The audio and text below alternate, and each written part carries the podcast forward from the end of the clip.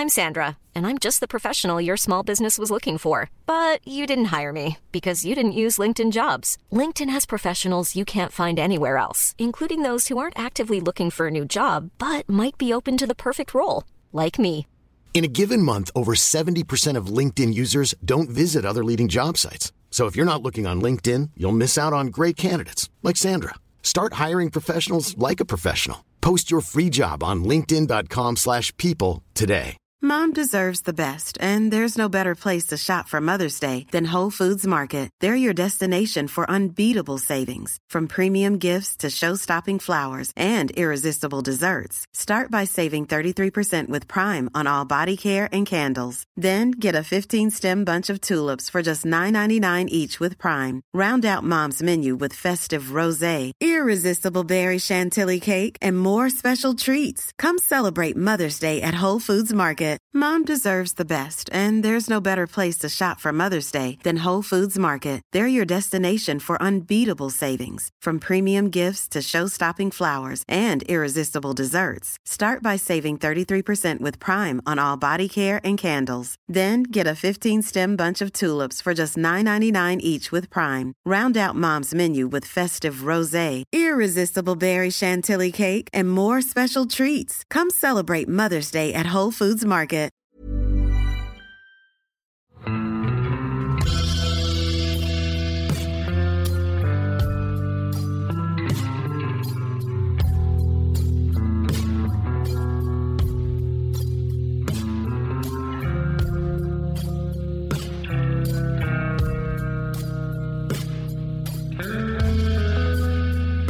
Hei, og velkommen til podkasten Uteliv. Mitt navn er Randulf Valle. Da var utelivs juledvale over. Jeg har brukt eh, pausa på å fullføre to bokmanus. De ferdige bøkene blir tilgjengelig litt lenger utpå våren, men jeg har fått tid til å gå litt på ski òg. Før vi starter med dagens tema, så har jeg litt informasjon. Podkasten Uteliv skal være med på Ingstadfestivalen den 10. februar, sammen med Johanne Refseth og Stian Odland, bedre kjent som henholdsvis eh, psykolog med sovepose og Stian med sekken. De skal begge holde foredrag med friluftsliv og psykisk helse som hovedtema, og så tar vi praten videre etterpå i en live-episode av podkasten Uteliv. Ingstadfestivalen går av stabelen i stua til Anne Stine og Helge Ingstad. Antall plasser for publikum er naturlig nok derfor noe begrensa, men festivalen har også et strømmealternativ.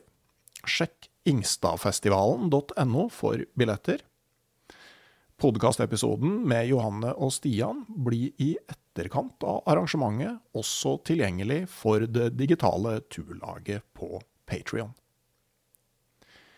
24. til 26. mars så er det duka for et annet arrangement, nemlig Camp Villmark, som går av stabelen i eh, lokalene til Nova Spektrum på Lillestrøm, tidligere Norges varemesse. Jeg er til stede, lager en liten turbokhandel sammen med en del andre friluftsforfattere. Der blir det også ei lita scene hvor det blir live podkaster gjennom helga. Utover vinteren så kommer jeg mer tilbake til programmet for podkastscena.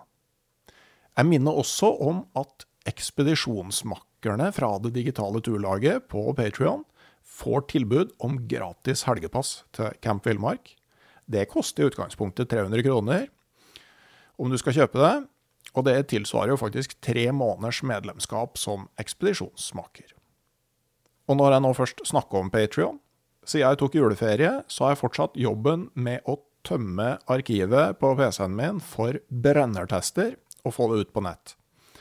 Jeg er ferdig med å legge ut det jeg har av eh, tester av gassbrennere med slange. Så vidt jeg husker, så ble det 14 stykker til sammen. Og mens jeg spiller inn denne starten på episoden, så har det digitale turlaget avstemning på Patrion om eh, hva slags brennere jeg skal fortsette med. Det ser ut til at neste post på planen blir å legge inn grundige tester av det jeg har prøvd av multifuel-brennere. Mye av det her eh, er basert på arbeid jeg allerede har gjort, men jeg har innsett at garasjelaben må eh, opp og gå igjen for at de her eh, multifuel-brennertestene skal inneholde det jeg ønsker.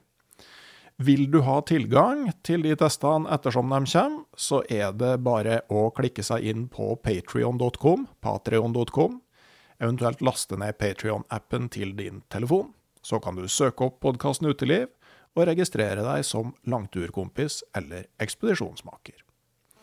Utover vinteren så vil også minst hver femte episode av podkasten Uteliv være eksklusiv for turlaget på Patrion. Vel, det var reklamen for denne gang. Da skrur vi tida tilbake til sein høst, da dagens episode blei tatt opp. Jeg gleder meg veldig til å gi dere den, og jeg håper dere liker den.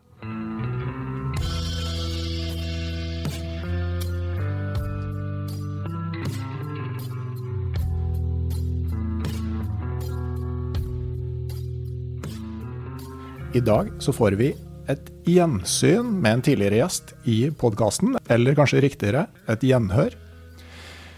Det er kanskje den gjesten som både for meg og for et flertall av lyttere har både overraska og imponert mest, og som jeg stadig får referanser til. Så hjertelig velkommen tilbake til Gry Folge. Tusen takk for det. Jeg syns det er veldig hyggelig å bli invitert tilbake. Mm. Gleder meg.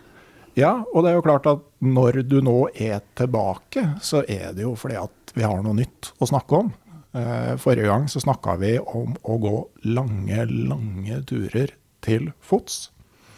Tida går også. Siden vi prata sammen eh, sist, så har du fått nye erfaringer. Sommeren i fjor så starta du på Kinnarodden, helt lengst nord i Norge, og satte kursen sørover. Og nå for under ei uke siden så er hun tilbake fra USA og har for andre gang kryssa USA fra sør til nord. Den gangen her langs Pacific Crest Trail. Vi skal straks få høre mer om begge de her to langturene. Men aller først så spør jeg jo som vanlig har du hatt en fin tur eller naturopplevelse nå nylig? Og det hører vi at det har du antageligvis. Ja, det, med, det, må jeg si, det har jeg. Jeg uh, inviterte min far med på søndagstur. Uh, han uh, er veldig friluftsglad. Han har vært den som har tatt meg med mye sammen med min morfar, og det er nok der jeg har fått friluftsgleden fra. han hadde et hjerneslag for noen år siden og kan ikke gå så langt eller fort på tur. Men eh, vi var oppe i Bærumsmarka på en åtte kilometer tur nå på søndag, og han viste meg også noen nye stier. Eh, så vi koste oss eh, ute hele søndag formiddag, og det var veldig hyggelig. Mm. Er det sånn at det derre nære og daglige friluftslivet får en større betydning etter en sånn lang tur, eller blir det på en måte litt overskygga av eh, de store eventyrene? Eh, det er et veldig godt spørsmål. Jeg tenker for min del så gir de større verdi, og de er nok også mer nødvendige i en sånn Særlig rett etter man kommer tilbake og er vant til å være ute i, eh, i skog og mark. Så syns jeg å få et daglig drypp, eller i hvert fall flere ganger i uka, det er uh, både deilig og viktig. Det er lettere å, å være til stede i uh, bare et kort uh, to timers tur um, nå enn det det kanskje var for flere år siden, før jeg begynte med disse langturene. Mm. Men når du nettopp er tilbake etter å ha gått 4279 km til, til fots, er det sånn at du, kroppen skriker etter å komme ut og gå, eller det, har den virkelig ikke lyst til å røre på seg nå? Jeg tror kroppen har veldig lyst til å røre på seg, men etter turen så var jeg eh, men, men, mentalt ferdig med å gå langt. Så, så, hodet mitt hadde ikke så lyst til det. Så jeg koser meg jo eh, saktere og kortere, eh, jo bedre kanskje akkurat nå. Men jeg skal ut igjen på langtur. Mm. Men da en, åtte en 8 kilometers dagstur sammen med det faderlige opphavet var akkurat riktig tidspunkt for nå, da kanskje? Ja, det vil jeg si. Og veldig hyggelig både med familie, altså det å dele opplevelser med noen. De fleste av disse langturene går jeg jo mye alene. Og grupperer ikke opp med så mange underveis heller, for jeg liker å ha den opplevelsen og gå i mitt eget tempo også.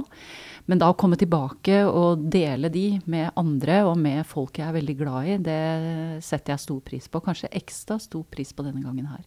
Mm. Jeg lurer på eh, sånn spørsmål både som Jeg er jo både far og eh, sønn, og tenker er din far på en måte, er han fortsatt bekymra for dattera si? Eh, er det noe som varer livet ut? Vet du hva, det tror jeg det er. Så eh, vi har hatt mange gode samtaler på Messenger når jeg har hatt dekning. Eh, har jo, jeg har vært syk på denne turen, ganske syk, og jeg har uh, møtt på skogbrann som har vært uh, ubehagelig nære. Og da ringer jeg selvfølgelig hjem. Og Eh, jeg tror nå at eh, endringen er at eh, pappa Hva var det han sa denne gangen? jeg stoler på at du gjør gode vurderinger.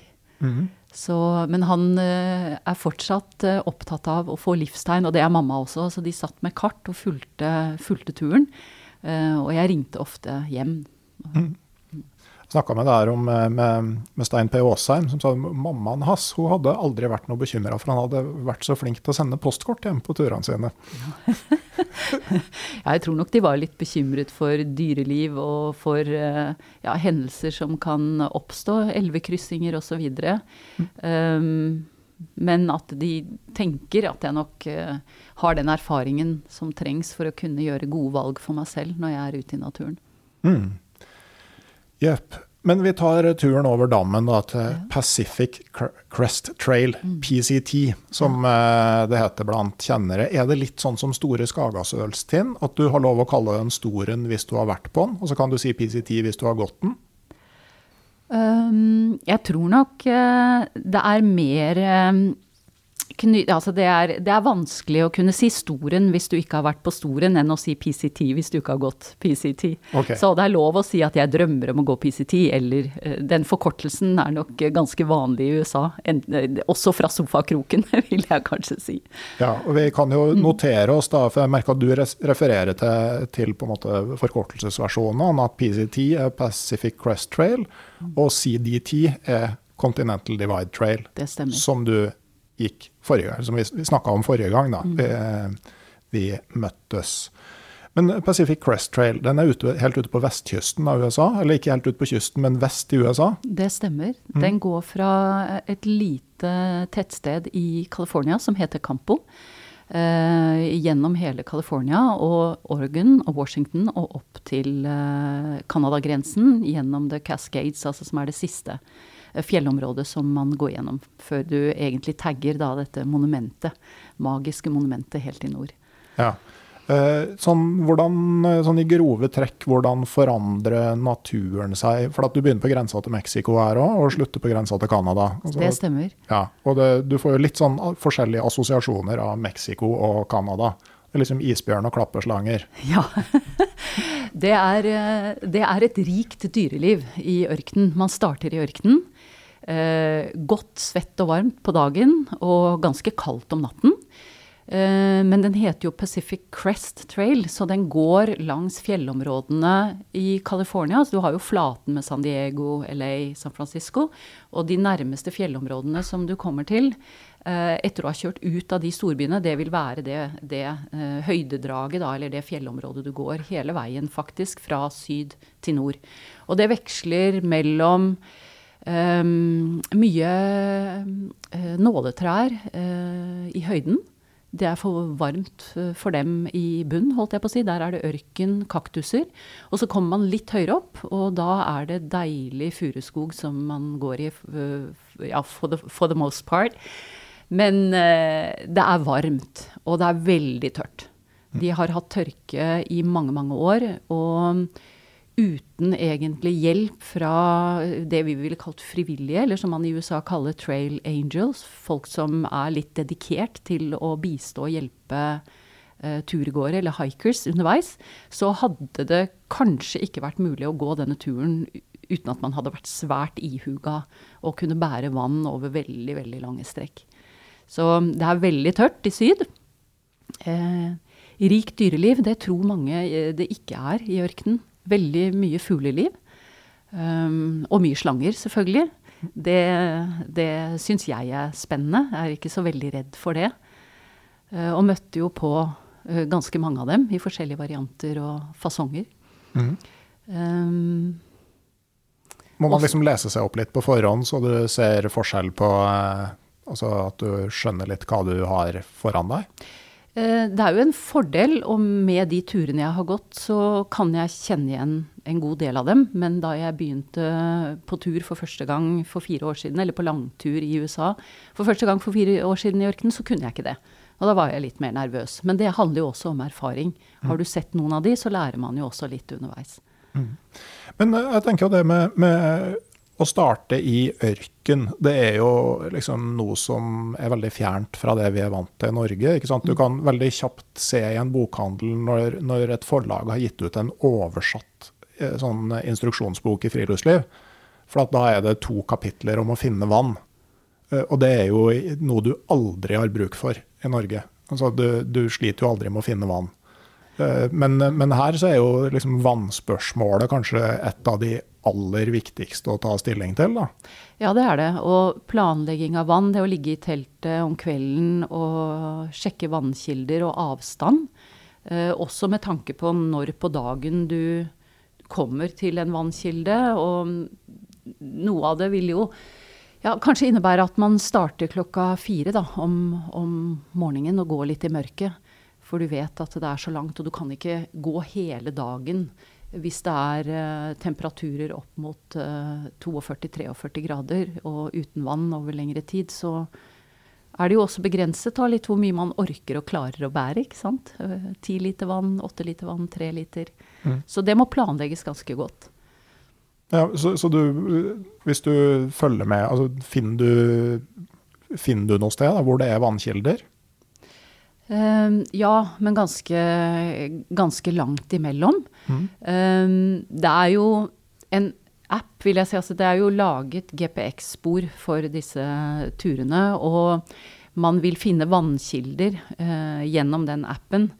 Noen av de er usikre, og da står det klart at det er usikkert. Og andre steder så er det frivillige da, som har levert ut vann. Noen av disse kan være uh, usikre. Altså de, det er vann der hvis det er vann der. Så de kan man på en måte ikke regne med. Mens noen av de er, uh, er det helt bankers at du vil finne vann, og man kan, uh, man kan belage seg på det, da. Ja, vi har sett bilder av sånn vanncasher hvor altså mm. det ligger rett og slett plastflasker som noen har brakt ut dit. Ja. Som du kan ta med. Svære gallons også, som, så du kan fylle på selv også. Mm. For jeg har, sett, det har vært, faktisk sett det har vært litt sånn diskusjon rundt det at liksom, turen baseres på frivillige som gjør sånt, og usikkerheten som du har nevna. Altså mm. altså, hvis, eh, hvis er to sånne casher på rad ikke er noe vann, mm. så eh, det må jo være litt spennende når du nærmer deg et sånt punkt. Altså hva er det der? Ja. Og jeg drikker ikke opp alt jeg har når jeg er uh, i, uh, i, tett i, i, ørken. Men jeg bærer heller aldri altfor mye, for det er tungt for både beina og for, for, ryggen. Så jeg prøver å tilpasse det. Og så syns jeg jo Det er jo en utfordring også, da, at skulle det ikke være vann der, så får man jo testet yttergrensene sine litt. Og jeg tror det er noe av det magiske med en sånn tur også, at man blir jo veldig kjent med seg selv. Du kommer definitivt ut av komfortsonen. Og å pese seg videre da og, og, slite ordentlig til neste vannkilde, det synes jeg ikke er det verste jeg kan gjøre. Nei, men samtidig så er jo på en måte Altså, å gå tom for mat er jo mer sånn kontrollerbart fordi at du overlever jo i hvert fall ei uke, litt avhengig av hvor mager ja. du er før du går tom for mat. Men, ja. men, hvis det er veldig varmt, så skal du ikke være vannløs så veldig lenge før det begynner å bli kritisk. Nei, det er sant. Og derfor så tenker jeg man blir litt mer på alerten når, øh, for å vurdere eh, skygge, trær. Hvor kan jeg stoppe? En stor stein i landskapet er ikke bare en stor stein. Det er et sted du kan sette deg ned midt på dagen og ikke gå. Eh, nettopp for å passe på at man ikke blir så sliten og svett. eh, og heller kanskje da ta en fire timer lang pause midt på, og så starte å gå igjen når temperaturene begynner å synke eh, litt utpå ettermiddagen. Jobbe med naturen. Ja, og et tre er også en, eh, en kjærkommen eh, plass å kunne, kunne gjemme seg litt da, for den, den heite sola. Mm.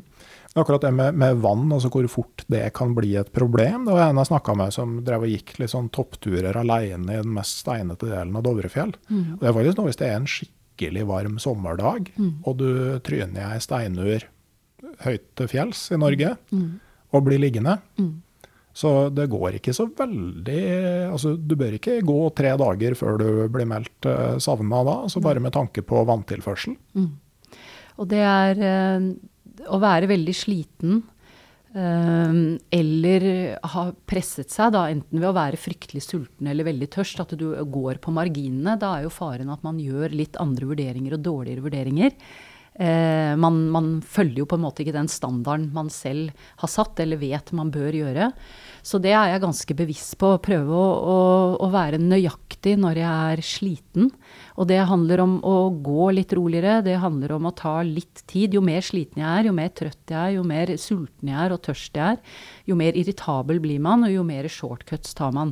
Og det handler jo også om det med vann, da. Så da er jeg ganske nøye på og sikkerheten på andre på andre områder, sånn at de ikke gjør de, eller tar de dumme valgene, så jeg blir liggende der oppe med, med en, eh, et brukket ben og altfor lite vann, da, f.eks.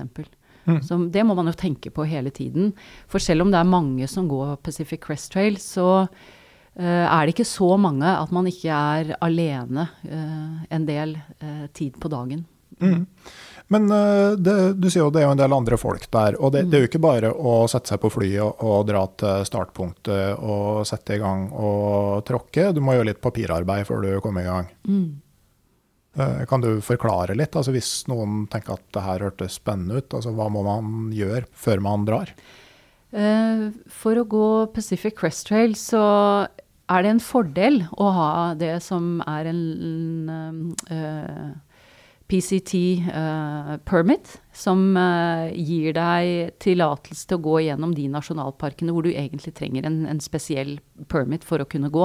Det er ikke påkrevet at du har en sånn langturtillatelse, men det er definitivt en fordel. Ellers så må du drive med logistikk og søke alle nasjonalparker eh, spesielt når du, når du kommer oppover, og da må man også angi spesifikk dato mye mer. Så det er jo å anbefale veldig mange som har lyst til å gå PCT, så da jeg satte meg ned for å søke, så hadde jeg hjelp av både datteren min og hennes eh, samboer, og hvor vi logget oss på med eh, jeg tror det var fire PC-er og tre telefoner.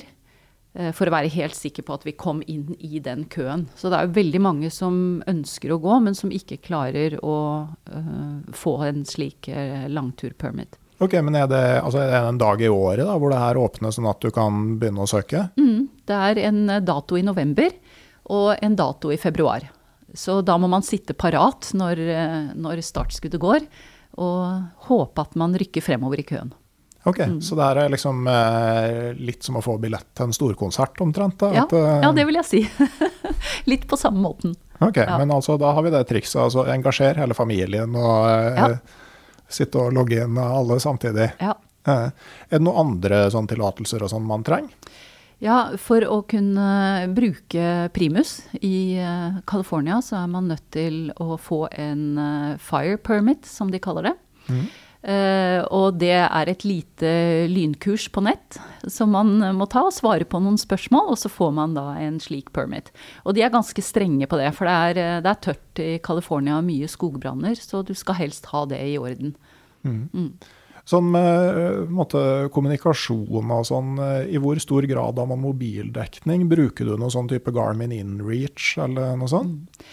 Jeg opplevde på eh, Pacific Crest Trail at det var ganske god dekning veldig mange steder. Mye bedre enn på Continental Divide Trail og på eh, Idaho Centennial, hvor jeg var helt avhengig av eh, Garmin Inreach for å kommunisere. Og det har jeg også med meg på tur her, eller hadde nå, med et search and rescue-abonnement knyttet til den, da. For selv om man går kanskje tettere på infrastruktur på Pacific Crest enn en de andre, eh, andre de, turene hvor det er mer villmark.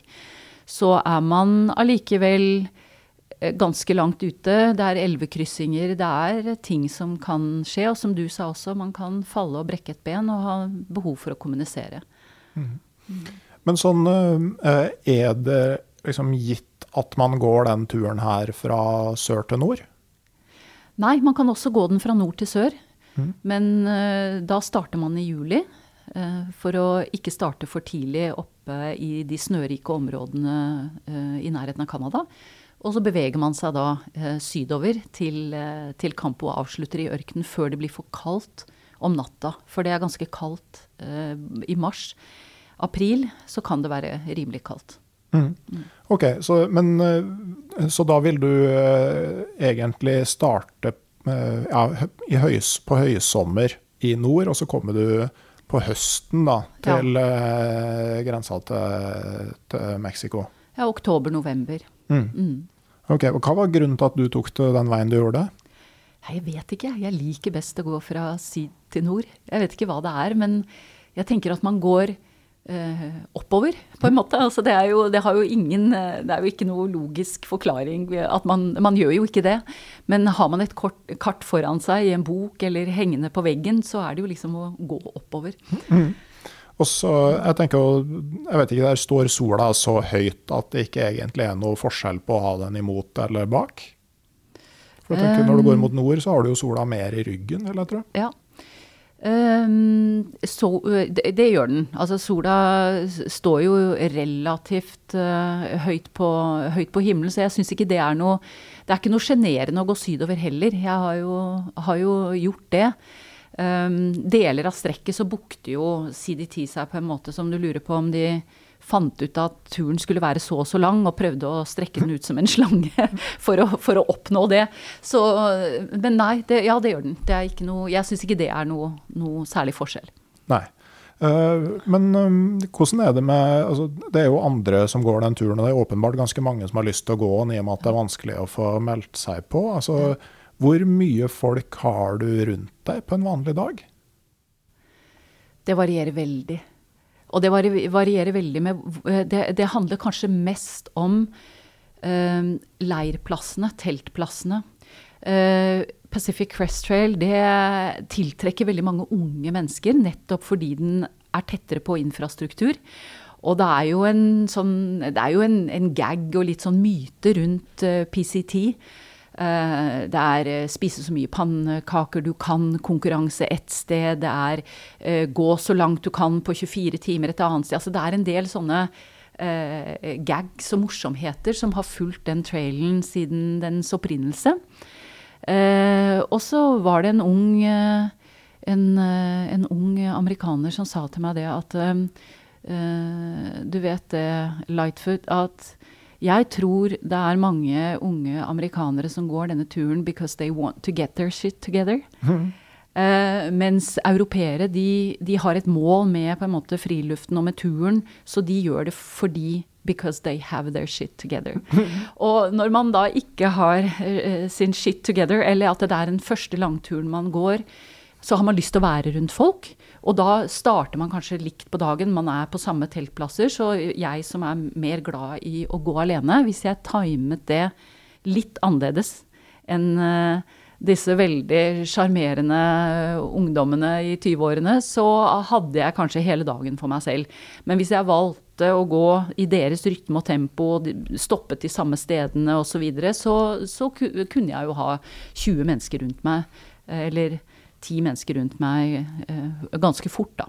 Ja, mm. men, men, det er jo kanskje noe å merke seg for den som har lyst til å prøve at det er jo faktisk da, hvis du syns det virker litt skummelt å skulle legge ut på noe sånt aleine, så virker det å altså, du trenger kanskje ikke å gjøre det aleine, sjøl om du starter aleine. Du kan alltids finne noen å eh, danne formasjon med. Ja.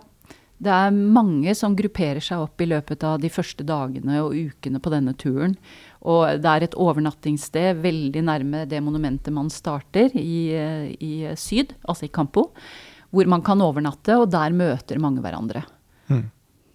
Mm. Ja.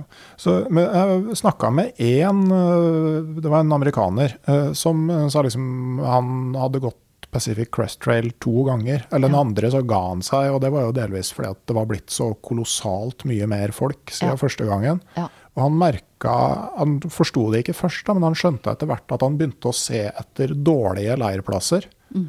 Fordi at de fikk den for seg sjøl. Ja. Og jeg var litt der, jeg, var litt der, jeg også. Uh, som er glad i å, å være mer på tur uh, alene.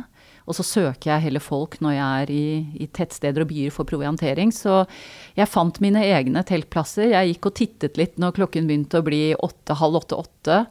Uh, pusha det gjerne litt, men, uh, men, så etter flate områder hvor de ikke hadde teltet noen før. Og så ryddet jeg gjerne litt rundt, uh, rundt trærne, eller under trærne, og, og, campet der. Og godtok at det kanskje var litt mer steinete. Litt flere røtter, eller hva nå enn jeg måtte sove på. For jeg syns det er veldig godt å ha den roen etter en så lang dag på tur.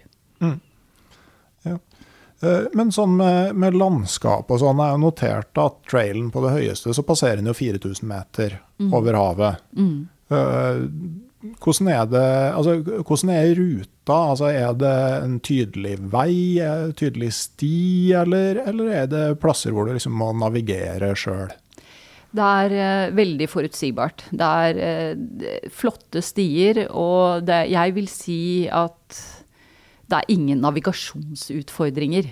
Eh, hvis jeg gikk feil et par ganger, så var det jo fordi jeg gikk i egne tanker. Og det er et stinett som altså Pacific Crest Trail er satt sammen øh, ganske mye av allerede eksisterende stier. Men øh, de, um, de trailblazene eller det, altså det, det, er satt ut merker på Pacific Crest Trail ganske ofte, så det skal litt til. Jeg tenker i hvert fall for nordmenn som er vant til å være ute på tur, så skal det litt til å gå feil. Mm. Ja, og det tror jeg også senker terskelen for mange unge eller andre som ikke har vært så mye ute på tur, til å komme seg ut og gå på tur.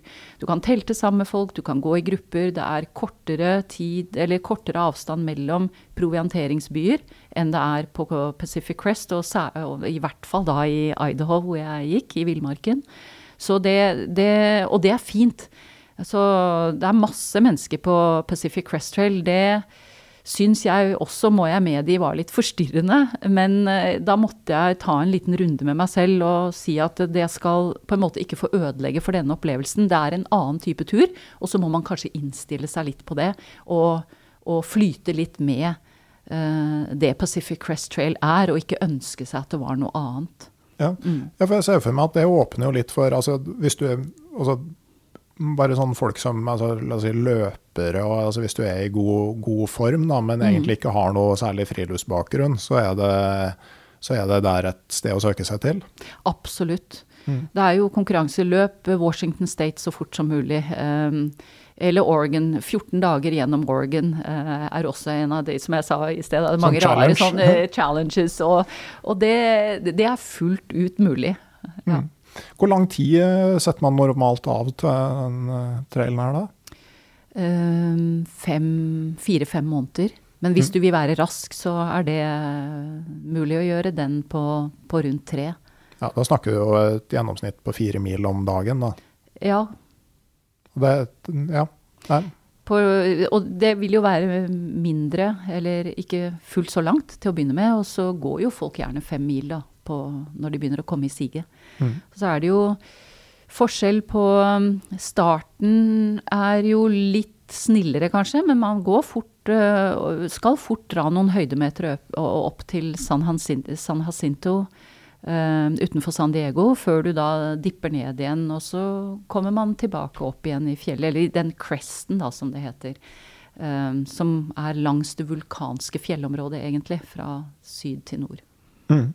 Hvis California skulle finne på å skli ut i sjøen, er du på den trygge sida, eller er du ute på den biten som uh, ligger liksom uh, på kontinentalplata som uh, Da brenner det rett under deg, vil jeg si. Da, da, smeller, det rett, da smeller det rett under deg. Og man går jo gjennom Lassen National Park, som også har disse boblene, boblende kildene og, og geysirene hvor, hvor det er varmt og godt. Mm. Mm. Men uh, med varme og tørke, altså mm. skogbrannfare er jo mm. plutselig en reell fare her. Ja, det er det. Uh, hvordan forholder man seg til det? Um, det finnes en eh, nettside i USA som heter INCIWeb. Uh, og der ligger alle skogbranner. Altså de blir logget på det kartet med en gang de oppstår. Og status på brannen, eller skogbrannen, den vil man kunne følge til enhver tid. Uh, så er det jo da at man må gjøre gode vurderinger selv, da. vindretning, vindstyrke. hvor nærme er stien i utgangspunktet til den aktuelle brannen? ser du røyk? Så det, og det handler også litt om erfaring. Er du ny, har aldri gått på tur før, så drar man kanskje fortere da inn til en, eh, en by eller et tettsted og velger å hoppe over eller skippe det området. Og så går man videre eh, nord derfra. Er man mer trenet, så tar man litt andre vurderinger, uten at det egentlig er risikofylt. Men de oppstår jo veldig raskt, og det er fryktelig tørt. De, noen påstår at det har vært tørt i 23 år, andre sier at de har hatt reell tørke i 11 år. Og med undervegetasjon og varme og litt vind, eh, et lynnedslag da, det kan fort, eh, det kan fort bli store områder som, eh, som blir i flammenes rov, da. Så, mm. Og det sprer seg fort, ikke sant? Ja, det sprer seg veldig fort. Uh, Dixie Fire, som var en stor brann i California, ikke i år, men det å gå gjennom de brannområdene det var veldig spesielt. Eh, de er jo i intensitet forskjellig også. Noen er jo så kraftige og varme at de rett og slett tar med seg alle mineraler i jorda, og det er helt stille når man går gjennom de brente områdene. Det er ikke en dyrelyd, det er ingenting. Det er nesten det man på godt norsk kan si øredøvende stillhet. Mm. Som jo er fascinerende i seg selv. Men uh, jeg hadde en uh, brann i ryggen i Oregon, Windigo Fire. og da jeg avsluttet PCT, så gikk jeg gjennom um, tre uh, skogbranner på på hver, sin, side, og hvor uh, US Forest Service da um, stengte av PCT dagen etter jeg hadde kommet meg ut derfra. Så det å, å se de flammene komme over fjellryggen og stole på at jeg kan gå og sove i teltet mitt ikke så veldig langt unna, det, det, det, det, tror jeg er det, det, er det mest skumle jeg har opplevd på, på, denne, på denne, turen, da, i tillegg til en ganske rå elvekryssing. Mm. Ja. ja, for eh, elvekryssinger, altså det, må du det er jo sikkert forskjellig. altså Noen elver er det åpenbart bruer over, men, mm. men du, må, du, må, krysse elver. Ja, det var ikke et høyt snøår i år, så det var egentlig ganske uh, Hva skal du si vennlig. Haikevennlig.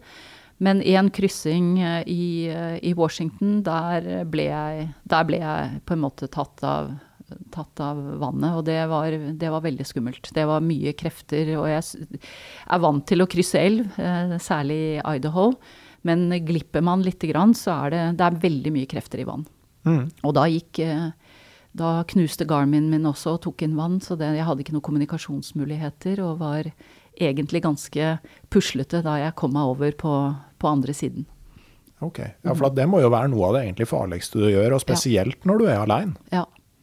Så jeg brukte lang tid på å finne et godt krysningspunkt, uh, trodde jeg. Og prøvde meg flere steder før jeg landet på, på, et sted hvor jeg prøvde å komme meg over, men det gikk ikke. Mm. mm. Et tips uh, som vi plukka opp på New Zealand, der er det jo elvekryssinger er jo mm. på en måte veldig normal del av friluftslivet der. Det er jo hvis du er et par, da, og den ene er større og tyngre enn den andre, så kan du krysse sammen. Mm. Man trenger ikke å krysse én og én. Og det du kan gjøre, er jo da at den største og tyngste går øverst, mm. og den letteste går nedafor, og så holder du gjensidig tak i ryggsekkreimene til hverandre. Ja. Uh, og det blir mye stødigere for begge. Eh, og det er da måtte, lettere å komme over for begge to samla. Mm. Det er nok et veldig, veldig godt tips. Mm. Men der også er jo eh, staver er jo eh, veldig greit å ha. Brukte du gåstaver på den turen her òg? Ja, det gjorde jeg. For det er jo spørsmål fra lytterne. De har jo beit seg å merke det fra sist, at du bruker konsekvent gåstaver. Mm. Men, men, er det situasjoner der de er i veien? Mm.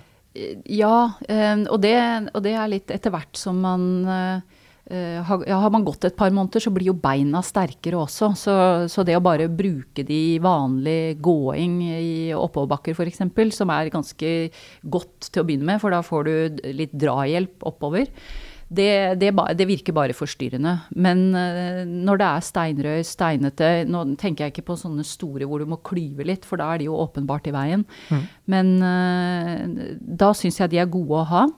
Og jeg tror det var uh, backpacker uh, som hadde en liten artikkel om, om det med skaderisiko på tur, og at staver var én av tre ting som var med på å redusere skade betydelig. Og belastningsskader handler jo om vekt på den som haiker, og vekt på, på utstyr som du har med deg.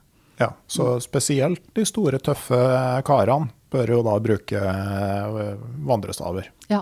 Mm som har eh, Altså, jeg har jo da du får avlastet knærne veldig, og jeg kan ikke Jeg er stor fan av staver. Her i Norge har jeg jo fått mye pussige spørsmål når jeg er ute og går med staver. Er, 'Å, har du glemt skia dine nå?' Eller et eller annet. Og alle Men, tror det er med de første som finner på den morsomheten, ikke sant? Ja. Litt sånn som da jeg i min barndom sto på plena og trente fluekasting. Ja, ikke sant? Og alle trodde de var de, de første som spurte om du fikk noe fisk. Ja. Ja, jeg har glemt skia, dessverre. Ja. Ja. Men, mm. Så du bruker det gjennomgående når du er på tur hjemme òg? Ja, det gjør jeg. Jeg er med nå i en eh, sekketreningsgruppe med, med DNT. Mm. Og der er det mange som ikke bruker staver, men jeg velger å gjøre det der også. Syns det er eh, det gir, det gir mer støtte og stabilitet. Mm. Jeg foreslår der at uh, når du skal inn i en sånn gruppe, så er det viktig å ikke fortelle noen ting om hva du har drevet med. Så kan du la sånn uh, gjerne mannlige besserwissere få skolere deg veldig lenge, og så kan de på en måte via omveier finne ut hvor du har vært og hva du nettopp har gjort. Det syns jeg er en veldig sånn fin måte å, å gjøre folk som trenger å bli flaue, flaue. Ja. Det er et godt tips, det skal jeg tenke, det skal jeg tenke på. uh, men Eh, ja, vi har vært gjennom varme, vi har vært gjennom uh, elvekryssinger, vi har vært gjennom vann. Uh, og så er det på, på, slutten så er det jo da rett og slett snø og vinter som må bli ferdig før du kan komme deg fram? Ja, det var, det var mye snø i Oregon og Washington i år. Så de første som startet i mars, de hadde store utfordringer med snø. Det mm, hadde smeltet ganske bra da, da, jeg kom til Oregon og Washington, men i California så hadde, hadde, jeg en del snø. Og det gjør jo ikke så mye for nordmenn. For mange andre som ikke er så vant til snø, som kommer fra Australia eller amerikanere som er fra Florida og, og i og for seg fra California, men som ikke har vært så mye på tur, de syns jo snøen er en kjempestor utfordring. For meg med høydeskrekk så må jeg jo si at noen av de luftige partiene. Du var jo litt inne på det, at man går over 4000 meter, man skal over fjellpass. Og jeg valgte også å gå opp på Mount Whitney, som er USAs høyeste uh, fjell in, in, the lower, lower 48. Så, så det, det, var mer skummelt for meg. Så når jeg kom over fjellpasset, det høyeste punktet på på Pacific Crest Trail, Forester Pass, og så at det var snø i andre enden, at jeg egentlig kunne skli ned eller løpe på snøen, så var jo jeg i stjernehimmelen, mens andre syntes det var skrekken. Jeg hadde overlevd høyden opp over passet og kunne boltre meg i snøen. Men mm. andre så det på en helt annen måte. Ja, nei, man, har jo, man, har jo, noe erfaring som man kanskje ikke helt er klar over at man ja. har. altså Noe man tenker på som selvfølgelig. Ja. Og bare det å vurdere om snø er mjuk og fin å gå på, eller om den er hard og blank og livsfarlig. Ja. Så vi brukte Jeg brukte uh, spikes, ikke, ikke Altså ikke brodder. Brodder, ikke stegjern. Ja, ikke stegjern, brodder. Mm. Og valgte å ta noen av passene på, på morgenen. Uh, sånn at uh, det var lettere å komme seg over. For blir snøen for myk, så synker man jo ned uansett. Da er jo det eneste som man bør ha egentlig truger, da. Mm. Mm. Ja. Men sånn med, med dyrelivet òg. Du sendte meg en eh, video fra uh, slutten. Ja. Det var jo noe som, noe som var din store skrekk da du dro til USA første gang. Ja. Jeg syns bjørn virket veldig skummelt første gang. Og så så jeg jo noen på CDT, eller på Continental Divide Trail, og de var, de var, de var et godt stykke unna. Eh, så skremte jeg opp en eh, da jeg var i Idaho, som var eh, bare en meter, halvannen unna, som ble veldig redd for meg, så den tok av gårde ganske fort. Mens denne karen her var veldig nysgjerrig. Og det handlet sikkert også litt om at jeg så den aller først, mens han holdt på å prøve å skaffe seg noe mat ved å rive av bark av et tre, lette etter insekter. Og da han, eller da den været meg, så, så, ble den ganske oppmerksom og nysgjerrig. Og jeg har jo mye godsaker i sekken, mye god mat som den sikkert har lyst på. Så da jeg startet å gå på stien, så fulgte den parallelt etter inne i skogkanten, og så bestemte den seg for at han skulle undersøke hva dette her var. Og da kom, da kom han mot meg eh, og var veldig nysgjerrig. Veldig pågående.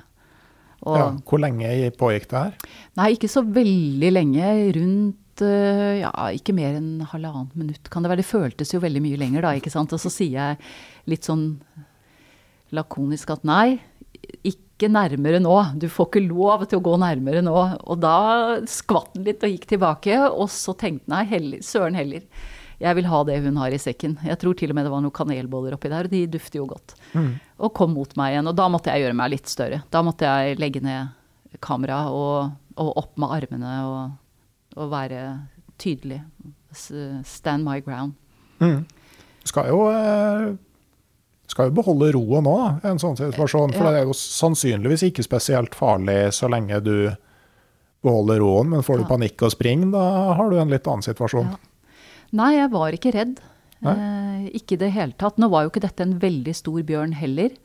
Men eh, hadde den villet eh, hadde den villet ta den maten i sekken, så hadde den nok klart det. Men akkurat det lille momentet som man da skaffer seg ved at den blir litt overrasket når man da gjør seg stor, men ikke, men ikke Hva skal du si? Ikke noe roping eller skriking. Men, og så trer tilbake. Da gikk jeg ganske bestemt, men jeg løp jo ikke fra den, men gikk vekk fra, fra, fra stedet. Mm. Og da jeg vet ikke hva den gjorde da. Kanskje skulle jeg ha tatt retrett ved å se rett på den. Noen mener det ikke er smart, men eh, jeg valgte å stoppe opp, være tydelig, og så snu ryggen til å gå. Mm. Mm. Mm. En spennende opplevelse? Ja, jeg syns det var en spennende opplevelse. Og jeg likte det litt, jeg da. Jeg ble, jeg ble litt fascinert av det. Ja. ja. Mm. Jeg hørte en podkast fra bladet Villmarksliv med Tor Larsen, isbjørnforsker. Mm som sa liksom at med rovdyr så skal du gå mot dem. Ja. Du, for det er de jo ikke vant til. At, uh, så han hadde hatt liksom ja, Det var jo firesifra antall isbjørnmøter når de var ute og registrerte isbjørn uh, ja. på, på, yngling. Da, og de gangene det hadde vært ubehagelig, så var det liksom alltid fordi de hadde gjort grove feil sjøl. Ja. Mm.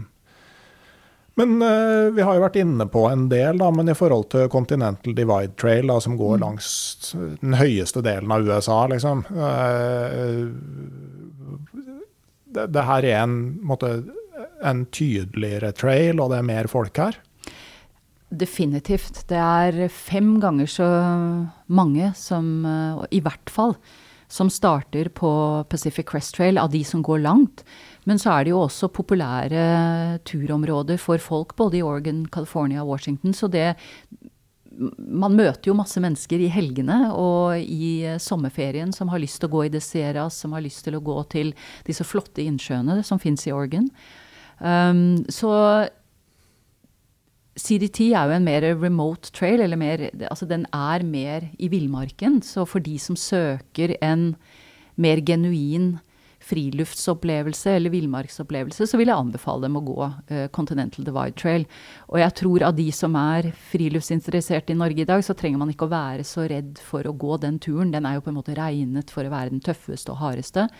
Har man litt navigasjonserfaring og turerfaring, så skal man ikke være så redd for å velge den som sin første. Eller kanskje eneste langtur, hvis man har lyst til å gå bare én. Uh, jeg syns jo kanskje den er mer spektakulær og er mer mangfoldig. Altså man starter jo i ørkenen i New Mexico, hvor man går gjennom disse flotte canyonområdene med elver. Eh, så kommer du opp i Colorado, man kommer til præriesteppene i Wyoming. Og, i, og opp i veldig alpine områder i Wind River Range. Gå gjennom Yellowstone, som jo er et eh, Ja, som egentlig er en av mine favorittnasjonalparker i USA.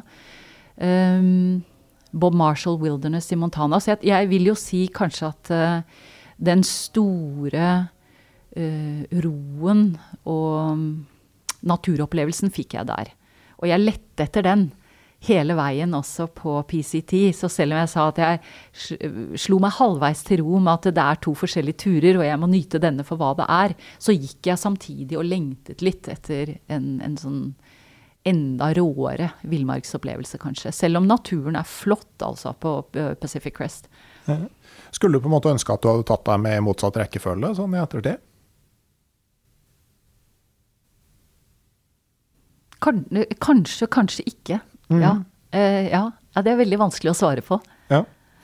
Men tror du at eh, det at du nå har både én og to eh, tøffe langdistanseturer fra USA i beltet før du starter på Pacific Crest Trail, altså mm. påvirka det Altså den følelsen du hadde når du dro over for å starte, altså mm. hva du Føltes det på en annen måte nå enn sist? Uh, ja, det gjorde det. Og, og jeg tenker jeg, jeg, startet jo midt i en ørken på begge de andre langvandringene. Ikke noe infrastruktur, ikke noe mennesker rundt der. Uh, her sånn så er det den store, store muren mot Mexico, og det er hovedveier rundt. Uh, det tror jeg satt litt uh, Den skuffelsen satt nok litt i for meg, tror jeg. Mm. og jeg måtte jobbe litt med den de første, de første dagene. Mm. Men sånn det at, du, altså, det at du vet litt mer, både mentalt og fysisk, hva som venter deg? Altså Var du mindre nervøs for eksempel, før den turen her enn uh, da du dro over for å ta Continental Divide? Ja, det var jeg. Jeg visste jo mer hva jeg gikk til, og var trygg på, på erfaring med proviantering. Og så tror jeg også at erfaringen gjør jo at man ikke blir så stressa da, om du skulle liksom gå litt, litt tom for mat, eller ting ikke alltid går som du hadde tenkt. Ja, det gjør det jo aldri på en langtur. Og man kan jo ikke planlegge seg bort, til, eh, bort fra all fleksibilitet, og da ødelegger man jo eventyret også. Men ja, jeg var nok ikke, jeg var ikke nervøs i det hele tatt når jeg startet denne turen. Nei. Men tror du det påvirker opplevelsen? Ja, det tror jeg kanskje det gjør, fordi ting kan bli en, eh, ting kan bli en vane. Eh, eller man er så vant til det at det kan også påvirke, tenker jeg, hvor til stede man er i å oppleve akkurat det man har rundt seg, istedenfor kanskje å Ja, bare ja, ja, det, ja, det, tror jeg nesten. Jeg måtte mm. tenke litt på den. Ja, ja for da, altså, du kan jo bli blasert på en måte i ja. de fleste sammenhenger. Ja. At, uh, så, så, jeg vil jo nesten tro at det kunne, kunne spille inn, da. Mm. Eh, men eh, blir man flinkere på eh, det som skjer når turen er over, da? Den opplevelsen? Altså at man kjenner igjen følelsen der? Ja, jeg tror nok det å komme tilbake til, til hva skal du si, virkeligheten. Mm. Det, det, er veldig mye lettere denne gangen. Jeg slår meg mer til ro med, med å komme tilbake. Mm. Er det bra? Ja, det er bra å komme tilbake, og det er også veldig rart å komme tilbake. Eh, jeg syns det er mye Og det kjente jeg på forrige gang, og det, det, tror jeg er ganske bra at man gjør. Det er veldig mye støy i, i rundt oss, altså lyd. Um, så er, det, Kroppen er veldig sensitiv for det. Og det er nesten fysisk vondt med alt det som da kroppen opplever som bråk og støy og unødvendig. Så jeg bruker tid på å komme meg tilbake til, eh, til et vanlig liv eh, med, med, kontor og jobb og, og buss og trikk og eh, E18 og alt som er rundt hele tiden. Men nå vet jeg det veldig mye mer. Nå, nå, nå er det sånn Å ja, vi er der, ja. Mm. Du vet litt hvilke faser du skal gjennom ja. før du er refamilisert med sånne ting? Ja, og da er det også noe å si at ja, men nå trenger jeg da denne timeouten. Og der kommer jo disse turene i nærmiljøet inn, da. Eller at jeg kan tenke at jeg skal ikke ha et fullt program hele uka. At man trenger litt tid til å omstille seg. Mm. Uh, men en annen ting med, med Pacific Crest Trail, at det er jo ikke bare folk til fots der. Altså, det er jo firbeinte der òg. Altså, mm. Uh, at du møter cowboykulturen der ute. Møter cowboykulturen, og det er stor forskjell på LA, San Diego, San Francisco, og når du kommer over nærmeste lille Crest eller opp til bare Big Bear Lake, som sikkert mange i Norge har vært i som turister, ligger i California, eller andre siden av The Sierras mot Death Valley. Det er ranch-kulturen. Den, den, lever jo, cowboykulturen lever. Um, og jeg syns det er veldig fint. Jeg er jo fascinert av den uh, delen av uh, USA. Um, og det å reise med Eller det å være ute på tur med hest og med kløv, det er ganske vanlig. Så da er eh, fot, fotgjengere, da, eller gående, de må vike for hest. Sånn er regelen på trail. Mm. Syklister er ikke så veldig ønsket mange steder, men er de der ute og trailen er åpen for syklister, så viker de for hest og, og, og fotgjengere, da, eller for gående. Mm. Jeg vet ikke om jeg har fortalt det her før på podkasten, men det var en kompis av meg som hadde en venninne som var Jeg husker ikke hvor i USA, de var ute og kjørte på kvelden. Ute, på, ute i ranch country. Og så krasja de med ei ku.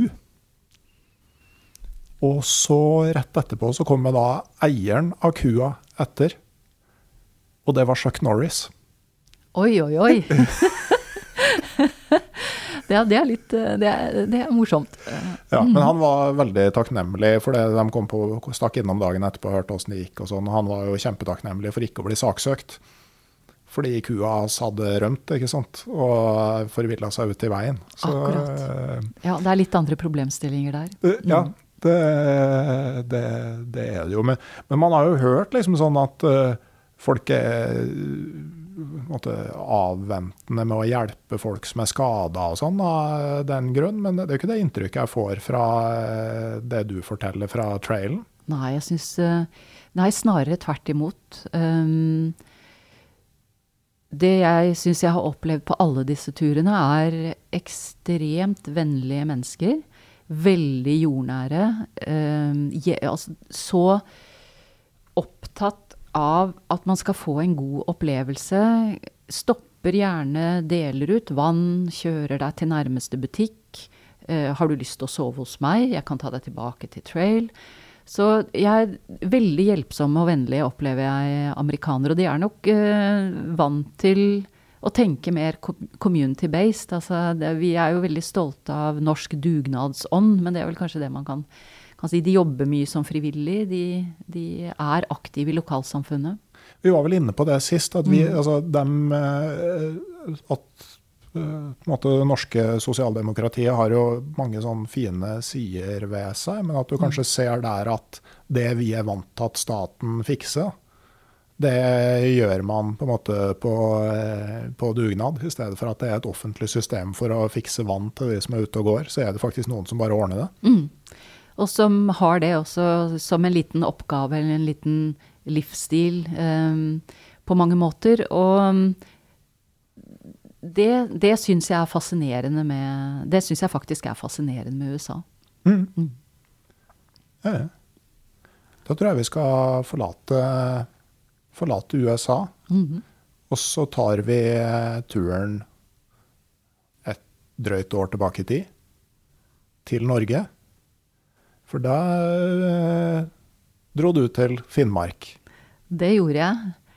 Og det var veldig spennende. Det var en tur jeg egentlig ikke hadde tenkt å ta. Altså Norge på langs var ikke noe som sto øverst, kanskje, på min ønskeliste. Uh, og samtidig så var det en tur jeg ikke hadde planlagt så veldig godt. Det må jeg kunne si. Jeg, hvis jeg ser tilbake på det nå, så vil jeg vel si at uh, jeg burde nok ha tilbrakt noen flere timer på planleggingssporet før jeg dro. Men det, det kan være litt spennende òg. Det, det, det, er en balanse i det. For, for hvis, man må ha eventyret der, og i det så må det ligge noe risiko. Og det må ligge at det kan skje noe uforutsett. Mm. Og så syns jeg det var veldig spennende at du utfordret meg litt på at jeg ikke jeg kunne jo ikke gå fra Nordkapp men jeg måtte, jeg måtte det, altså, Du anbefalte meg jo å gå fra Kinnarodden. Og det, og det, tenkte jeg Ja, men den utfordringen, den må jeg jo ta. For her er det jo ikke noe, her er det jo ikke noe etablert sti helt, helt uh, fra Kinnarodden og ned. Så det, men det, jeg, det skal jeg takle. Mm. Og det syns jeg var spennende. Jeg, uh, jeg trivdes storlig over uh, Finnmarksvidda. Um, du var tidlig ute. da. Det var jo fortsatt ja. juni eller tidlig juli, og det var et snørikt år. Det var sankthans. Sankthans, ja, ja du starta. Jeg starta sankthansdagen. Mm. Uh, og hadde strålende sol uh, fra Mehamn og ut. Mm. Uh, og ganske fint vær tilbake igjen også. Og så fikk jeg noe skikkelig ruskevær etter det. ganske mye av det nedover. Du vet, Til sankthans da bytter vi fra tjukk til tynn, dunjakke i Finnmark. Ja, akkurat. Ja, mm. akkurat. Ja, også, jeg hadde heldigvis med min. ja. ja. nei, Du klarer deg med tynn dunjakke. altså Vinterdunjakke kan du legge bort til sankthans. Så det ryktes at stort sett så har politiet sett gjennom fingrene med kjøring med piggdekk fram til sankthans. Ja, akkurat. Ja, Men det kan jeg levende forestille meg, faktisk. Ja. Mm. Um, ja, det, det, var starten på et helt, annet, eh, et helt annet eventyr.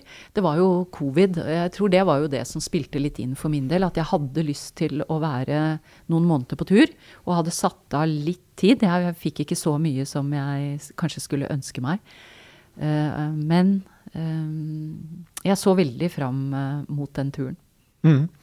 Ja, Eh, men altså, når du sier du ikke hadde planlagt så mye, altså, hvor mye av ruta hadde du sett for deg før du starta? Jeg kan vel si det sånn at da jeg kom til i fjor, så bretta jeg ut karten og tenkte ja ja, da er det over vidda, og hvor går jeg nå? Mm -hmm. Så det var eh, noen GPS-punkter plottet jeg inn på Garmin da jeg satt der på, på kafeen på Ifjord. Mm -hmm. Eh, men noe utover det hadde jeg ikke, hadde jeg ikke tenkt. Jeg, etter at jeg hadde kommet til Skoganvarre, som jo på en måte da kobler jo Eller litt videre er det vel over til, eh, til Masi. Da kobler den seg jo på E1. Ja. Så jeg hadde jo valgt å, og tenkte at fra, fra, fra Kautokeino så går jeg E1 nedover. Mm, for mm. den går jo fra Nordkapp til Sicilia? Ja, stemmer. Mm. Stemmer. Men eh, ja, hvordan, eh, hvordan, var juni og tidlig juli på vidda? Eh, det var strålende. Forskjellen fra USA er at været selvfølgelig er mindre stabilt. Mm. Og oppå vidda også så var det heftig regn og vind i 20 minutter, og så kom sola. Og så var det en runde med regnbyger og veldig, veldig kaldt. Isende vind. Ehm, og så var det litt sol igjen. Men vinden syns jeg vinden var, eh, var, kald. Det var mm. eh, svært kaldt.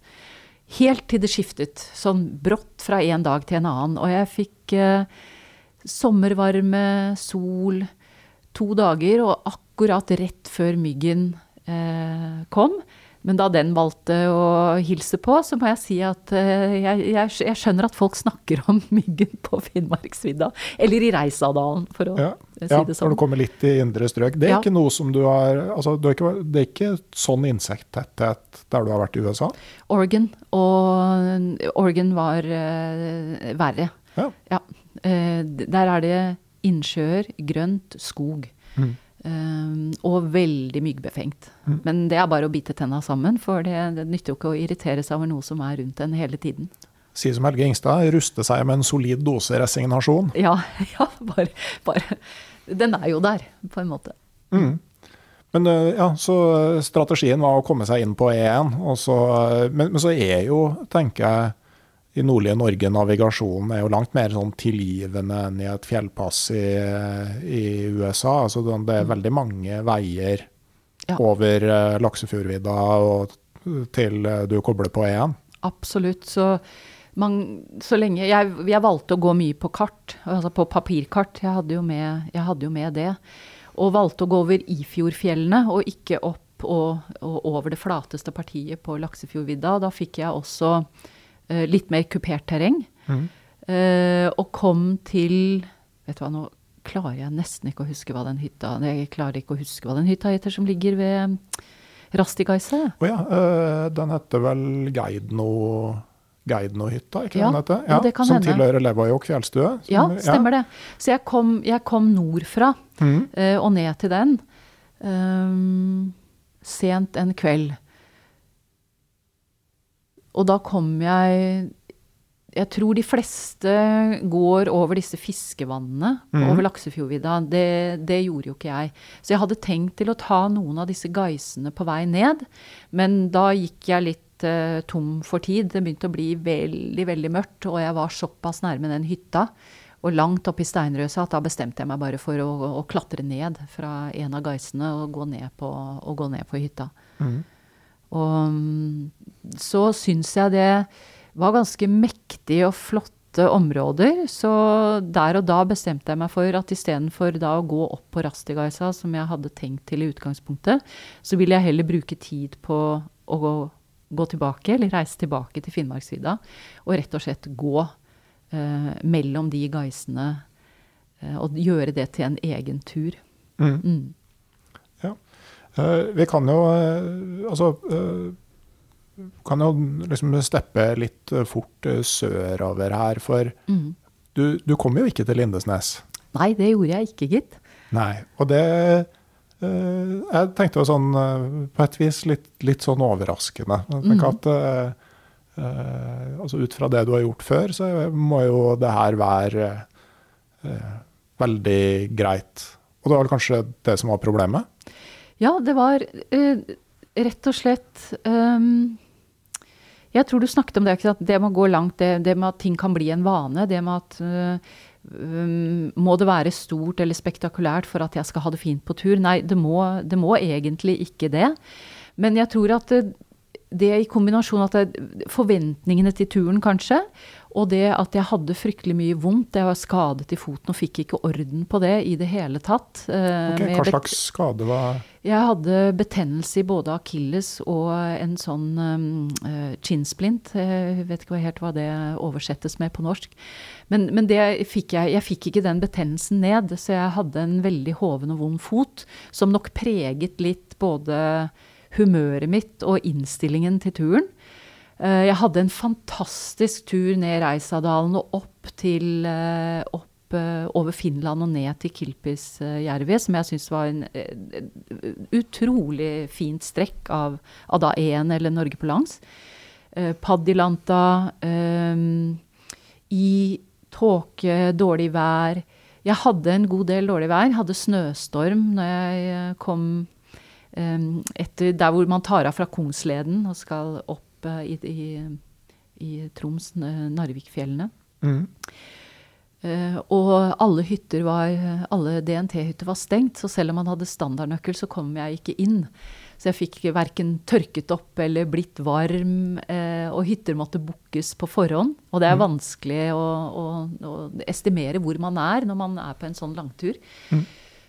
Uh, hadde jeg hatt en mer planlagt logistikk på forhånd, da, hvis alt hadde vært uh, uh, eh, lina opp og bestilt, så hadde jeg kanskje syntes det var uh, kjedelig å gå på tur. Jeg liker ikke det, å vite hvor jeg skal overnatte om tre uker når jeg er på en sånn lang tur.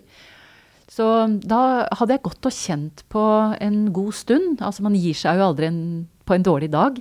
Det må modnes litt over tid. Så da jeg kom til Lønsdal, eller mot Lønsdal, og satt der oppe, fin dag i sola. Uh, hadde laget lunsj, sildrende bekk. Det var uh, egentlig en helt perfekt uh, sommerdag. Så tenkte jeg nå har jeg tenkt på dette lenge nok. Jeg er ikke motivert for å gå Norge på langs, så nå tar jeg toget hjem. Ja, Fra Lønsdal på Saltfjellet. Ja, ja, på Saltfjellet. Som sagt, så gjort. Så der satt jeg egentlig oppe på den andre siden av hovedveien. Godt oppe, ikke så veldig langt fra, fra endepunktet til Norge på tvers. Mm. Uh, og så over på toget, og det kveldstoget, det tok jeg til Trondheim og videre hjem. Mm. Og helt, det var helt riktig beslutning. Jeg tror man Det er ikke noe nederlag å, å, ombestemme seg når man er på tur. Uh, og man skal ha det gøy når man er der ute. Man skal være motivert. Det skal jo være lystbetont. Mm. Så for meg så var ikke det rett tur til rett tid. Men tror du òg at sant, når du nå eh, legger ut på Pacific Crest Trail, så har du for det første klart å skaffe deg den, eh, den permiten. Mm. Du har planlagt det ganske lang tid. Du flyr til andre sida av jorda. Altså alt det her er jo på en måte med å brenne litt bruer, eller gjøre den tanken om å gi seg eh, til liksom eh, Til en vanskeligere avgjørelse å ta, da. Tenker du at det, måte, at det er såpass nært og såpass spontant og såpass enkelt for så vidt da, å komme seg til start? Kan det påvirke det? Det kan det helt sikkert, men jeg tror også hovedgrunnen for min del, i tillegg til at jeg hadde mye vondt, det var at jeg visste at jeg ikke hadde nok tid til å kunne komme til Lindesnes. Jeg måtte ligge i Kautokeino litt pga. benet, og da så jeg også at egentlig den ytre tidsrammen som jeg hadde, da, det var helt urealistisk med tanke på å komme i mål. Da måtte jeg, ha, da måtte jeg nesten ha begynt med med litt sånn uh, ultramaraton uh, hver dag. Og det var ikke det jeg ønsket å gjøre for, for Norge på langs. Jeg tror det bidro også lite grann. Så jeg kommer til å fortsette Norge på langs, men i etapper. Ja, så du, mm. mm. det er jo et ideelt sted å gi seg, da. Så det er bare å ta nattoget, eller ta dagtoget til Trondheim ja. og nattoget til Lønsdal, og så. Er det å fortsette. Ja. Og jeg møtte, jo, jeg møtte, jo, flere i fjor som var ute og gikk etapper på Norge på langs. Og det tenker jeg, det er sånn jeg ønsker å, ønsker å gjøre det også. Tre uker nå, to uker da. Mm. Mm. Men eh, sånn som det du sier med været, altså var det noe som på en måte reelt overraska deg? Altså, du har jo gått langturene dine i egentlig et helt annet klima enn den norske sommeren. Altså sånn på en måte det ubehaget ved å gå i nordnorsk dårlig sommer i lang tid? Eh, det påvirket nok litt det, altså. Jeg må si det. Og, og, men, men dårlig, dårlig, vær og ubehag, altså sånn fysisk ubehag, er jo vant til på tur. Det må man jo når du går en langtur i USA. Det er jo ubehagelig. Mm. Det er jo type 2, type 2 fun. Jo, men, eh, men eh, det å ikke, ikke, Det rett og slett ikke ha muligheten til å kunne ta inn på noen av disse hyttene da jeg, gjorde jeg jo det innimellom. Jeg forhåndsbooket der jeg hadde mulighet til å komme på, på internett. Um, og reelt sett fått tørket opp med noen dagers mellomrom. Um, det syns jeg var, det syns jeg var litt uh, Det syns jeg var litt traurig. Og egentlig så tror jeg man kan pushe seg, eller i hvert fall jeg, da, kan pushe meg selv til å gå veldig mye lenger, eller være mye lenger i det våte hvis du vet at ja, men eh, det er en eller annen hytte der fremme som jeg sikkert kan komme til. Om jeg velger den hytta i morgen eller en annen hytte neste dag, det spiller ingen rolle. Mm. Men det å vite at det, det går ikke pga. at alt var stengt, det, det var nok også med på med på at jeg traff denne avgjørelsen, tror jeg. Og det er kaldere, det er våtere her. Soveposen blir jo fuktig, ikke sant. Den, du kan ikke legge den ut til tørk midt på dagen, så den, så, så den får mm, sol og, og, og, og, på en måte puffer seg sånn sett opp igjen.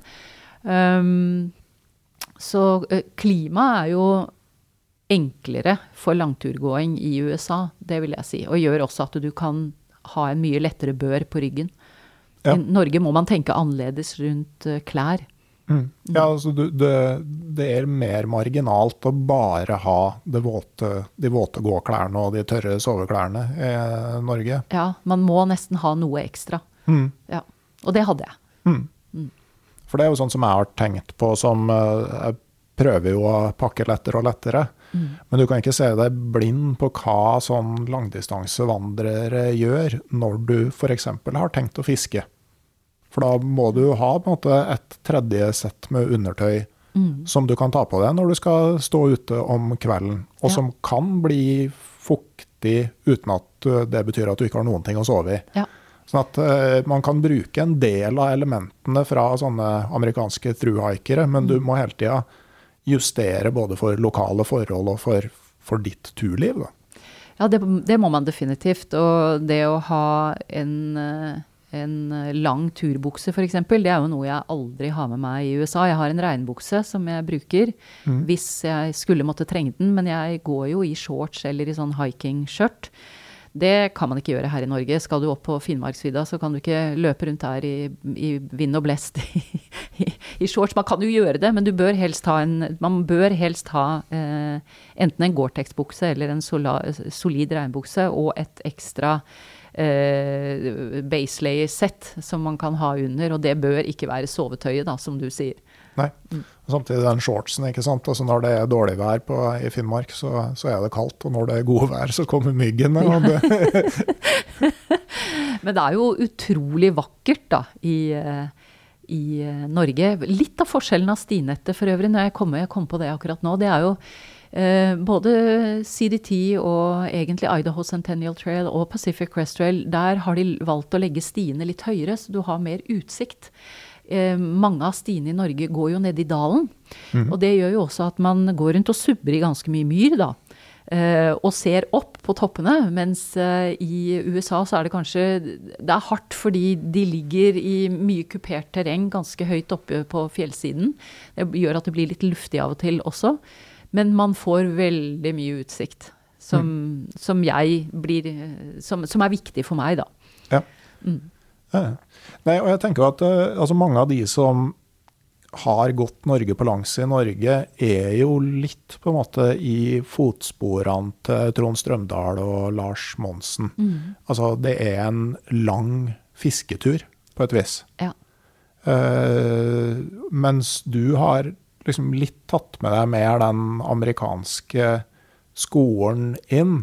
Og og da ser jeg jo det at sannsynligvis er jo naturen mer spektakulær på Continental Divide Trail og mm. Pacific. Crest Trail enn den er på Saltfjellet.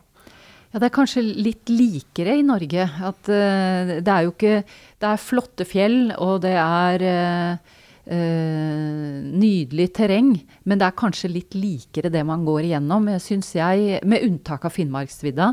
Uh, fra, fra, du kommer ved grensa til Finland etter Reisadalen, så er det jo, ser jo landskapet ganske likt ut. Flotte fjell, uh, fine elver, flotte fjellvann.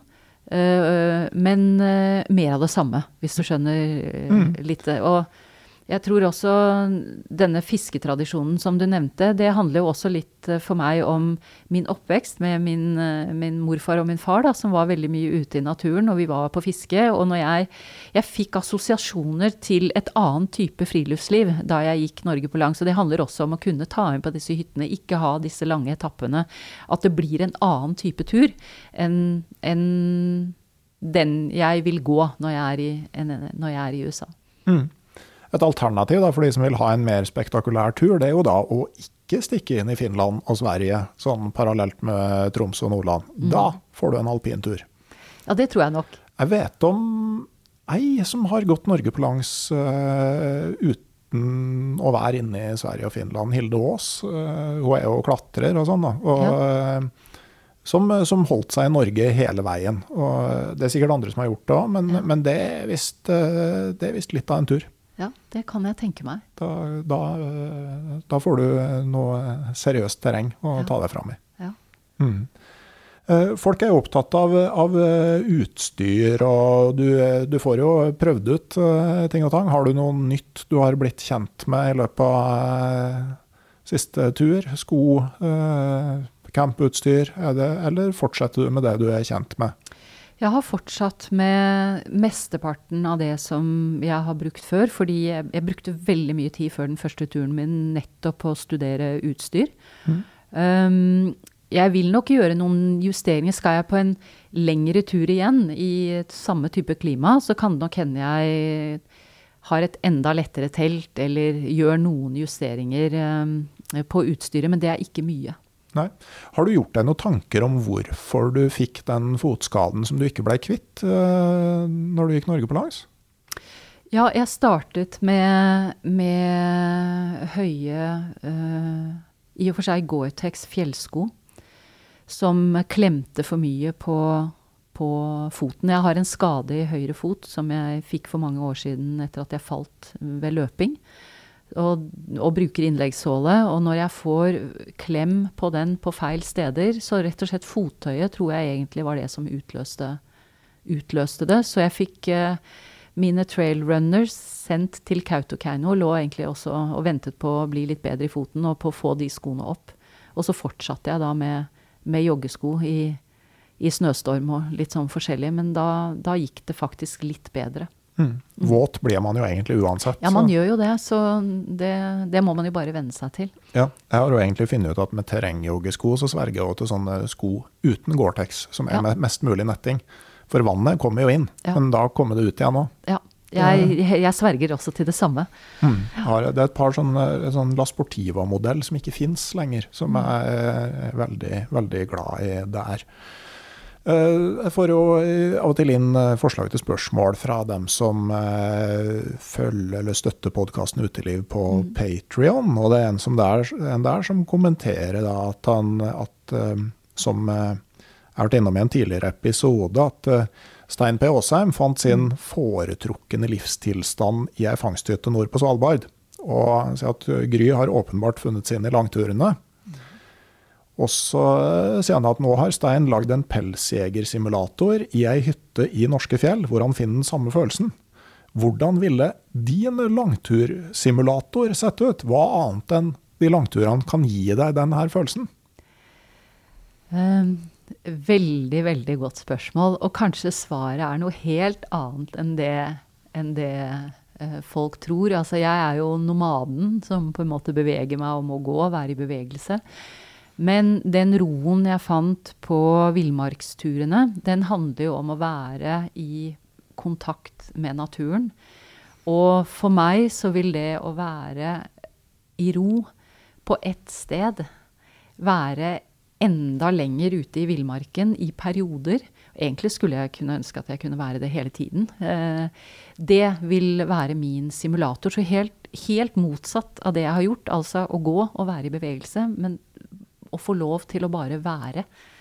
Um, enn så lenge så er en sånn langtur hvor du får lov til å være ute i måneder i strekk, som jeg har vært, det gir en observasjons...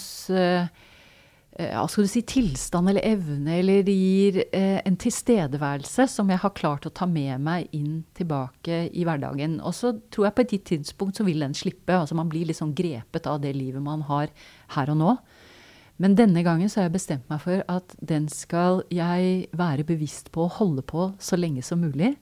Til jeg da kan ha disse små lommene med denne tilstedeværelsen, som er på en måte det som jeg blir mest fascinert av med naturen. Mm. Mm. Får du det til foreløpig? Ja, jeg får det til foreløpig. Mm. Det, det sidesteppet som en sånn tur representerer, til å kunne se, titte litt inn både på samfunnet og seg selv og det livet man lever, det er jo egentlig en gave. Mm. Mm. Men uh, veien videre, uh, det er jo Du har jo to av de tre virkelige lange turene i USA. Mangler bare Appalachian Trail for å kalle deg en triple crowner. Mm.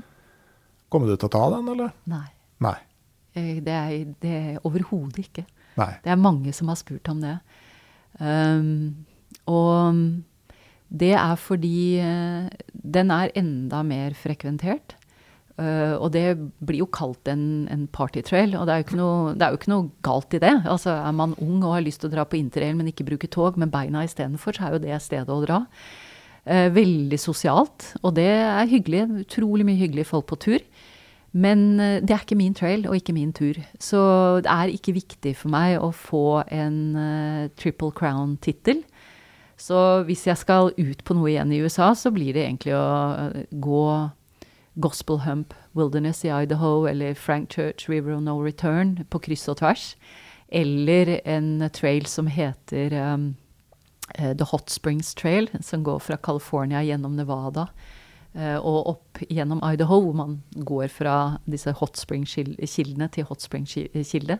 Hvor man må ha kart og kompass. Altså, så, så, så, det er mer villmark og ikke, uh, ikke nødvendigvis jakten på noe som er lengre, på en måte. Nei. Du har jo en i Nord-Canada eh, som går langs den derre eh, Eh, gamle rørledningstraseen fra Norman Wells ved McKenzie River, og så over uh, nordligste delen av Rocky Mountains og inn i Alaska, mener jeg. Eller mm. over der. Den husker jeg drev og så på en gang. Ja. Uh, hva er den het igjen, da? Ja ja, kan ikke huske alt. For det, det, er, det, det, er, litt sånn, for jeg får ofte spørsmål om det, om disse turene. at det da, Eller sånn uh, hint om at ja, men det finnes jo en tur fra, fra Sør-Afrika til Sibir, den må jo du gå. Og det er liksom, Man blir ofte litt sånn Ja, hva skal du si? Man blir fanget av eh, det som man ville kalle det hedonistiske, den hedonistiske tredemølle. At alt må være bedre, større, mer spektakulært osv. Men det er, eh, det er ikke et mål eh, for meg. Nei. Nei. Nei, men det, det, det, Jeg syns det er veldig godt å høre du si at liksom Appalachian Trail, nei, det vil jeg ikke uh, gjøre. For det, det er jo når man på en måte klarer å være bevisst på hva man virkelig vil, i mm. stedet for å gjøre noe som garantert vil gi deg status i et sånn hikingmiljø. Ja. For det å være en triple crowner, det, det, er jo, det er jo litt kult, da. Ja, det er litt kult, men det er veldig mange som er både dobbel og triple triple crowner, som har gått disse turene tre Altså det betyr jo ni ganger på langtur. Ja. Og det syns jeg, jeg, det står respekt av. Og jeg, skal, jeg, jeg ser ikke bort ifra at jeg kanskje kan komme til å gå Continental Divide Trail en gang til. Um, men før det også, det er jo kulturstier i Midtøsten. Altså jeg har snust litt på Jordan Trail, som er en helt annen type tur. Jeg kunne tenke meg å reise til Georgia og gå på tur. Eh, Kirgisistan. Og en sånn gammel drøm jeg har. Det er kanskje litt, det er litt risikofylt å, å, å, røpe drømmene sine, kanskje. Men å starte um, ved kilden til uh, Mekong-elven, altså ved dens utspring, og følge den hele veien ned til delta, og den renner ut i Sør-Kina-havet, det hadde vært spennende ved å gå, sykle, padle være på elvebåt. En, ja. mm. Så det er, det er, mye spennende i denne verden. Ja, definitivt. definitivt. Men jeg sier at Amazonas er jo allerede tatt. Da. Det var vel en av de første store ekspedisjonene til Mike Horn. Han tok det på sånn riverboard, hvor du eh, ligger liksom med overkroppen ja. inne på et brett, og så har du svømmeføtter. Og så tok han hele Amazonas fra kilden og ned. Ja, Det er spesielt. det er veldig spesielt. og jeg liker det. Det er, eh, det, det er fine drømmer. Ja, nei, men det er bra. Så da når du har realisert noen flere drømmer, da skal du ikke se bort fra at jeg maser litt om å få en uh, ny prat med deg. Ja, det er veldig hyggelig. Jeg setter stor pris på, på å få ha kommet hit og prate om tur og, og prate med deg. Mm, det er gjen, veldig gjensidig. Uh, nå er det da oktober. Uh, vi er i Oslo. Eh, det er eller Vi er vel kanskje så vidt utafor Oslo akkurat nå, da, men i Oslo-området. Eh, og det kan være vel og bra. Men så er det siste spørsmålet, da. Hvis du kunne vært et annet sted nå, og nå er det ingen bindinger til på en måte praktiske og realitetsmessige forhold Du kan velge hvor du er, og i hvilken setting i hele verden. Hvor ville du vært akkurat nå? Da ville jeg vært uh, nær Salmon River i Idaho. Uh, det er det største villmarksområdet in the lower 48, og da ville jeg hatt min lille homestead-hytte. Uh, og der ville jeg bodd. Hmm. Gjerne vært. Ja. Hør, hør her, framtidige gjester i podkasten Uteliv. Når du får muligheten til å drømme akkurat dit du vil, så er det, det er et veldig, veldig fint svar. Tusen takk igjen, eh, Gru Folge. Takk til dere som hører på podkasten Uteliv. Takk til dere som deler info med turvenner og i sosiale medier. Og tusen, tusen takk til det digitale turlaget på Patrion, som er en viktig grunn til at podkasten Uteliv fortsatt eksisterer og nærmer seg 150 episoder. Det er plass til flere, gå inn på patreon.com, eller laste ned Patrion-appen, så er det veldig kjapt å bli medlem i gjengen. Da får du eksklusive episoder, ekstra innhold og en mulighet til å påvirke spørsmål, gjester og tema. Uansett, om ei uke så er det tid for en ny episode av podkasten Uteliv, og inntil da så sier vi rett og slett ha det bra.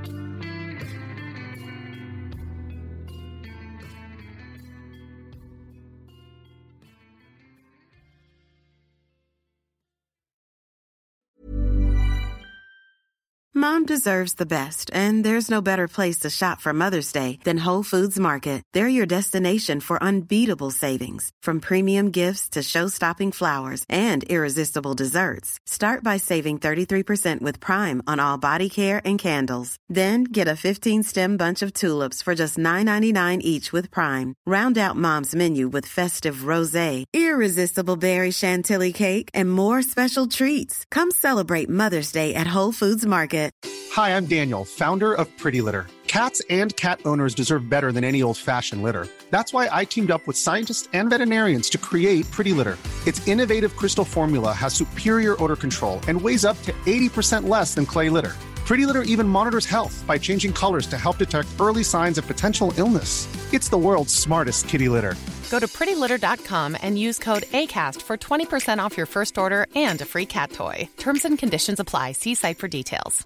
Mom deserves the best, and there's no better place to shop for Mother's Day than Whole Foods Market. They're your destination for unbeatable savings, from premium gifts to show-stopping flowers and irresistible desserts. Start by saving 33% with Prime on all body care and candles. Then get a 15-stem bunch of tulips for just $9.99 each with Prime. Round out Mom's menu with festive rosé, irresistible berry chantilly cake, and more special treats. Come celebrate Mother's Day at Whole Foods Market. Hei, jeg heter Nore Helligsen og er daglig leder i Barents Outdoor. Det beste vi kan gjøre for planeten, er å redusere forbruket vårt og få mer ut av det utstyret vi allerede har.